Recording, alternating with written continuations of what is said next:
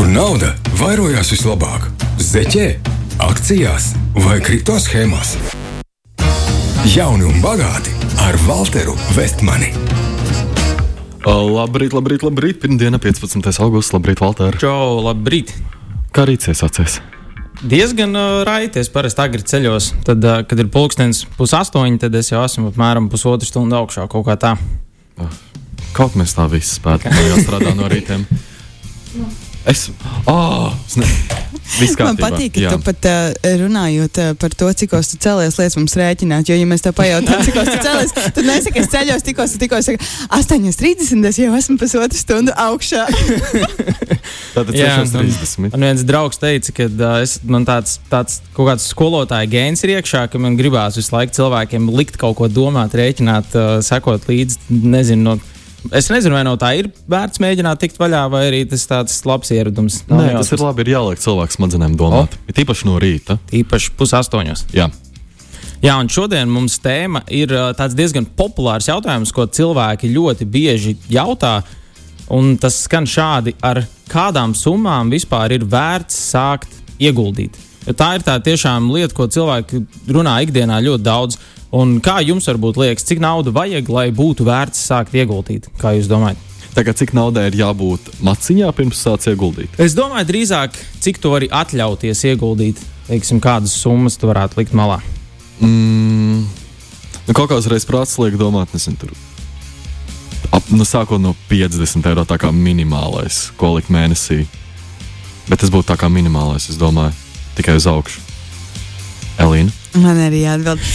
nu, ziniet, kas ir vērts ieguldīt vispār? Katram jau savu, katrs savs. Varbūt es gribu ieguldīt um, kaut kamī. Un tā kā tu domā, ieguldīt kaut kamī, kur man pēc tam nāk nauda atpakaļ, vai Jā, ieguldīt, pieņemsim- piemēram, Pieņemsim tajā pašā, vai tas būtu, nu, teiksim, akciju tirgo, ja tu gribētu sākt kaut kādu naudu likt, vai tas ir kaut kādi fondi, vai trešais pensiju līmenis, vai vienkārši pirkt akcijas, vai varbūt tās kaut kādu. No nu, nekustamiem jau nedaudz citādāk, jo tur tev uzreiz konkrēti vajag lielu summu, lai viņu nopirktu. Bet, teiksim, ja tu gribētu sākt akciju tirgo ieguldīt. Mm, es ne, man bail teikt konkrēti cipari, jo man liekas, tas īstenībā tu vari, principā, vienalga, cik tev ir vienkārši ieguldīt. Tu vienkārši nedabūsi daudz atpakaļ, bet ieguldīt jau tu vari. Kaut kā Okay. eiro. Man īstenībā ļoti patīk jūsu atbildes. Viens eiro varētu būt nedaudz par maz, jo daudz, kur tev ir minimums 3 eiro šī summa par ieguldīšanu komisiju maziņā. Tad viens varētu gan būt par maz, bet uh, ir tāds stereotips, ka daudz cilvēku domā, nu, ka vajag daudz naudas, lai sāktu. Un, ja es nevaru atļauties sākt uzreiz likt malā daudz, tur vairākus simtus vai tūkstošus mēnesī, jā, nu tad nesākšu vispār.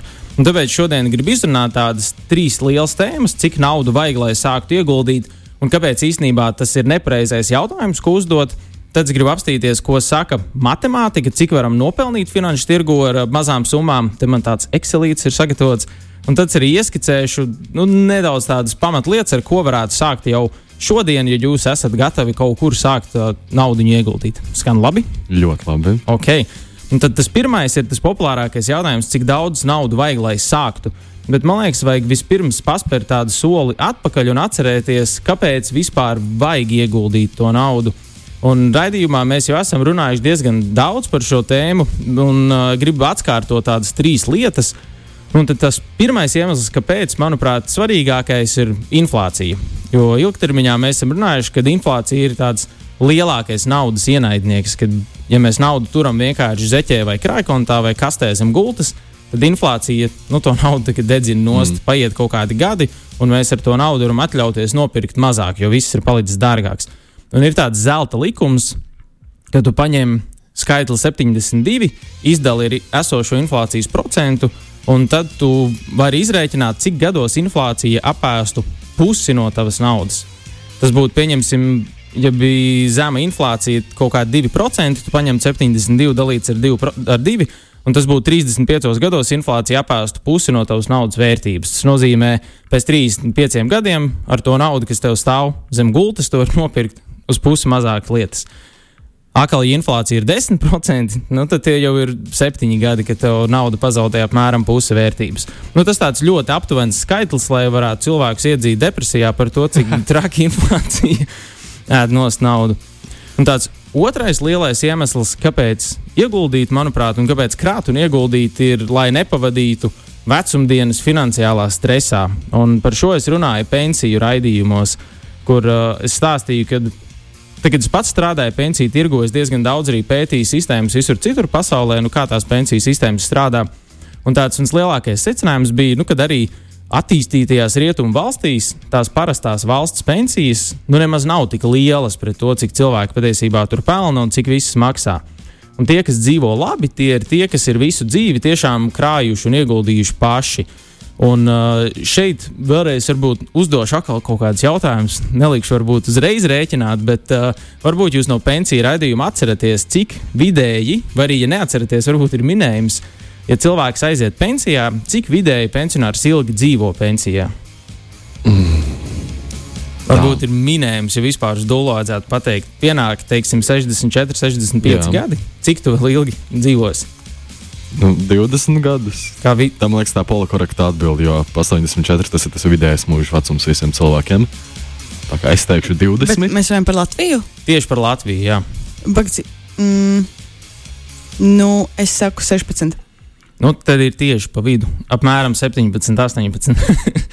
tas ir tāds vidējais latviešu, bet īstenībā man liekas, ka bija sievietēm 20 vīriešiem 16, kaut kā, vai 14, es precīzi tagad neatceros, bet tas vidējais ir 18 gadi, kas sasniedz to 64 gadu vecumu, un tad vidējais Latvijas 18 gadus nodzīvo. Es tā saku, diemžēl, vai par laimi, jo daudzi saka, ai, līdz tai pensijai nenodzīvošu, bet, nu, ja skatāmies statistiku, tad nu, lielākā daļa nodzīvo un diezgan ilgi tur arī dzīvo. Un tad tagad gan tāds nedaudz rēķināmais uzdevums būs, teiksim, 18 gadus jādzīvo, Iedomājieties, tagad jums iedotu maisu ar naudu, cik daudz naudas vajadzētu, lai 18 gadus varētu izdzīvot. Oh, sākas tā, aritmētika vajadzēja paņemt lapu un pilspālu. Tā tad 18 gadi. Um, Nu, es varu parēķināt līdzi, man ir kalkulators. Tad 18 gadi, 12 mēneši katrā gadā. Tas ir jā. sanāk, 80, 96 mēneši. Man vajag diez. Mm. 96 mēneši. Tī... Un katrā mēnesī nu, labi, minimāla alga mums sanāk ir 500 eiro, bet, nu, ja gribam dzīvot labāk, vajag biku vairāk. Labi, pieņemsim, tad nu, aptuveni nu, 1000. Tūkstoši, mēnesī. Jā. Tātad deviņ, nu, gan arī 100 tūkstoši. Tur sanāk, ir uh, nedaudz vairāk. Tur ir, ja tu paņem 1000 reizes 12, reizes 18, tie ir 216 tūkstoši. Okay. Jā, tad tas būtu 216 tūkstoši, kas mums ir tikai, piemēram, jāuzkrāj, ja mēs gribam tūkstoti mēnesī no pensijas. Un šeit ir tā, ka nu, kaut kādu daļu seks pirmais un otrais pensiju līmenis, mm. un kaut kādu daļu arī jāiekrāj ar pašiem. Uh, Un, ja skatās visādus oficiālos kalkulatorus, tad viņi saka, ka tad, kad tu dosies pensijā, tad pensija būs nu, labākajā gadījumā. Tā obligātā valsts pensija būs apmēram puse no pēdējās darba algas, kas nozīmē, ka tev ienākumi būs dalīts ar divi. Un, nu, tas, un tas ir labākais scenārijs. Sliktākais scenārijs būs dalīts ar bišķi vairāk. Un tas, kā es to savā galvā skatos, nu, kad teiksim, es to rēķinu tā, ka pensija varētu labākajā scenārijā man nodrošināt pusi no tā, ko man gribās. Un, ja šeit mēs runājam, ka gribās tos 216 tūkstošus, gribās tūkstošu mēnesī, nu tad tos 100 tūkstošus kaut kur būs jādabū pašam. Un, tāpēc tas otrais iemesls, kāpēc nu, tiešām vajag krāt un ieguldīt, ir, nu, lai nepavadītu tās vecumdienas finansiālajā stresā. Un tad es domāju, ka tas ir tas nu, pats minimums. Uh, Un uh, trešā lieta ir nu, krāt un ieguldīt labākajai dzīvei, lai nauda pelna naudu. Un te jau ir jautājums katram pašam sev, cik tu agresīvi krāji, cik tu agresīvi ieguldi. Ja tie pirmie divi bija tas pamats minimums, tad šeit jau ir no nu, tādu pluszīmi, lai tā dzīve tiešām foršāk iet. Un, uh, lūk, un cilvēkiem bieži ir tie šķēršļi, kad uh, nav daudz naudas, nav vērts sākt, vai arī nav laika. Vai arī cilvēki jautā, nu, cik tā nauda vajag vai arī jautā, cik es nopelnīšu, ja es sākšu ieguldīt. Un to, cik es nopelnīšu, tas tāds triks jautājums, jo es bieži uz to atbildu arī tā, ka, nu, ja tu aizietu pie fitnesa trenera un prasītu, cik ātri es dabūšu sešpaku, nu, pirmkārt, nav iespējams pateikt, jo nu, tas no šausmīgi daudz kā ir atkarīgs, finansēs ir līdzīgi, un otrkārt, tie ir tādi nepareizie jautājumi.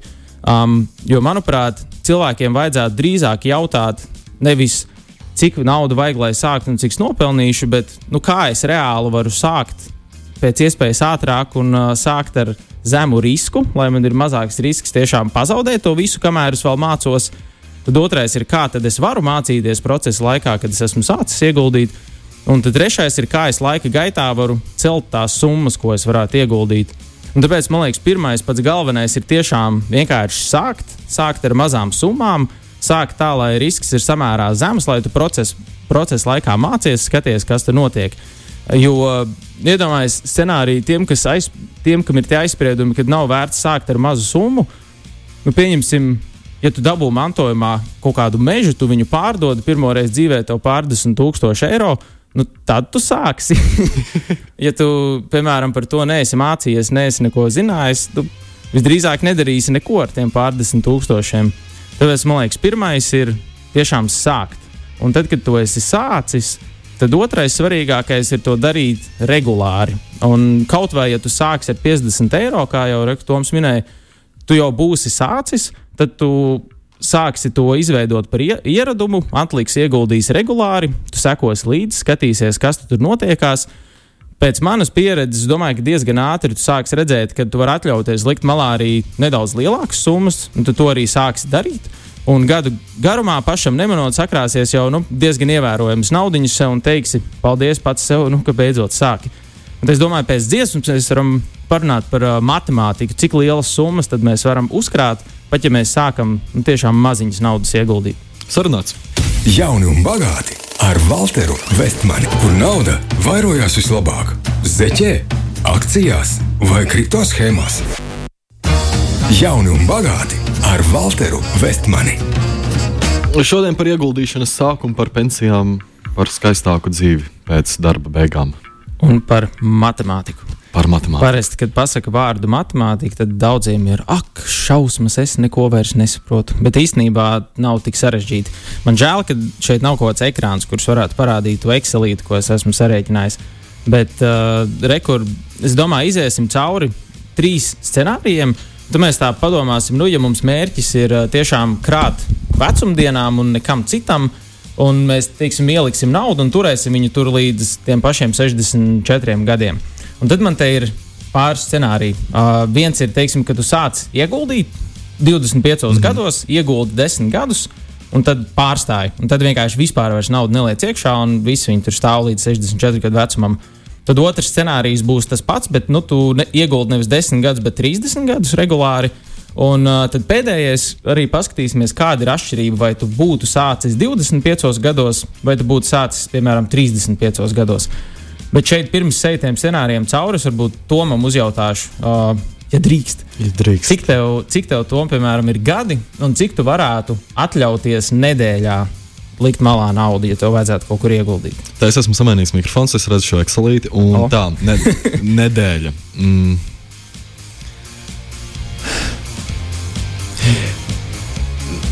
Nu, ja cēlā mērķa labi, tad es nezinu, esmu pagaidām, es gribētu teikt, nedēļā es esmu gatavs 25 ielikt iekšā. Oh. 25 nedēļā, tas jau kaut kāds simtnieks mēnesī. Cik tev šobrīd gadi? 18. 18 vo.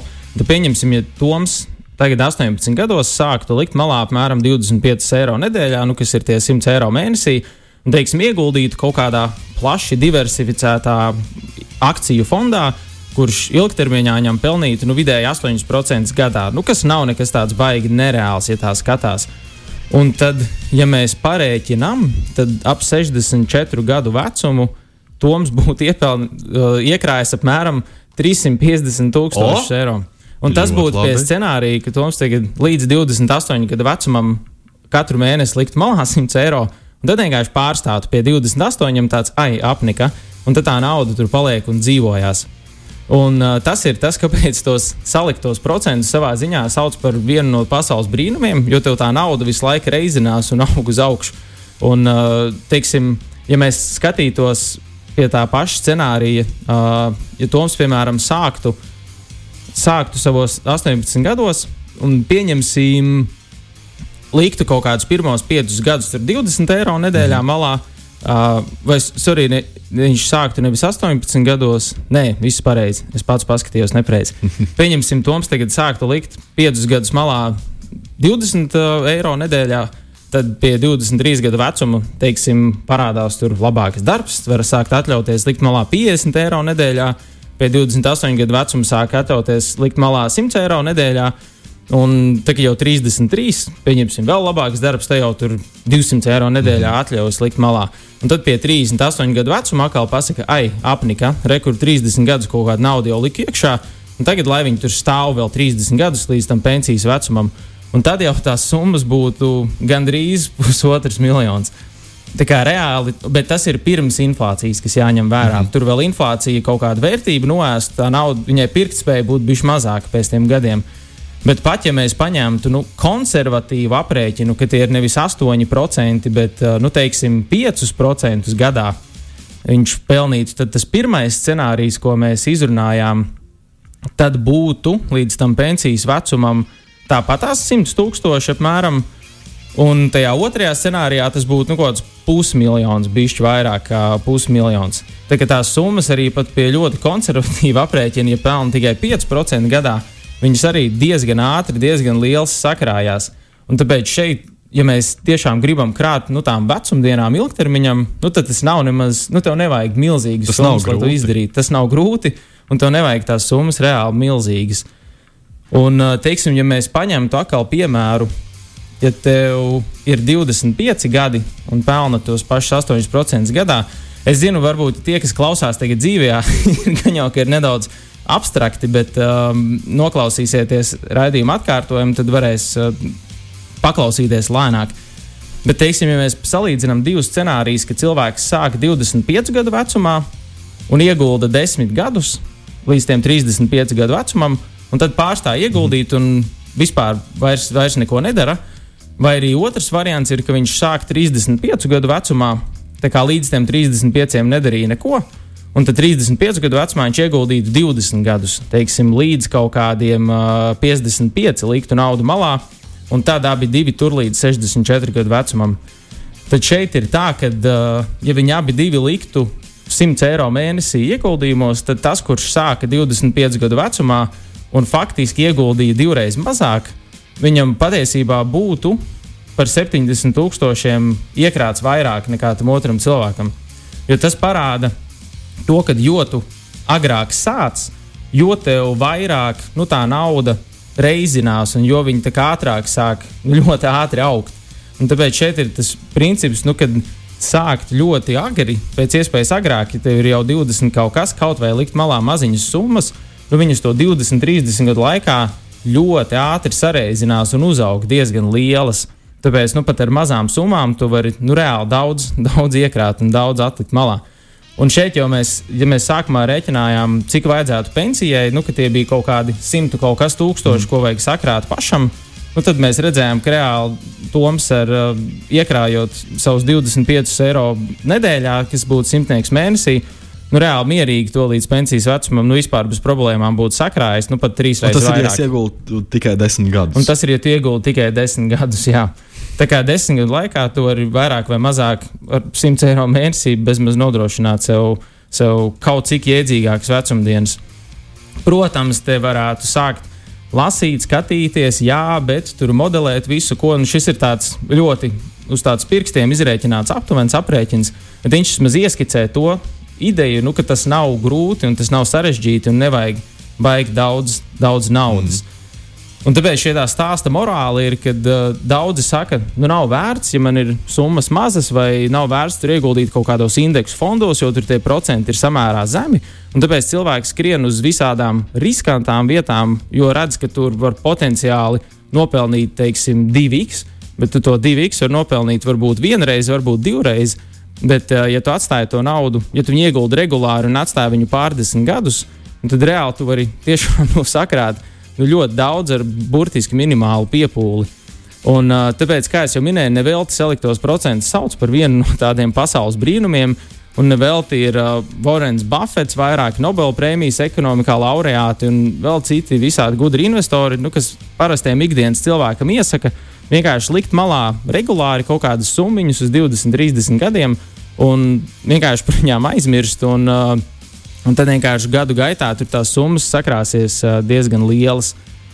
Un, ja ir pēdējais tāds jautājums, ar ko reāli sākt, nu, reāli, manuprāt, pats, pats, pats vienkāršākais ir tas pats trešais pensiju līmenis, kur ir nu, diezgan Nu, nu, tiešām tur sākt ir ļoti vienkārši. To var pāris minūtēs principā, uzsākt, tur ir tā iedzīvotāja ienākuma nodokļa atmaksa, kas ir ļoti izdevīgi. Ja tu pelni algu, maksā nodokļus, tad vēl caur nodokļiem kaut kādas naudiņas dabū atpakaļ.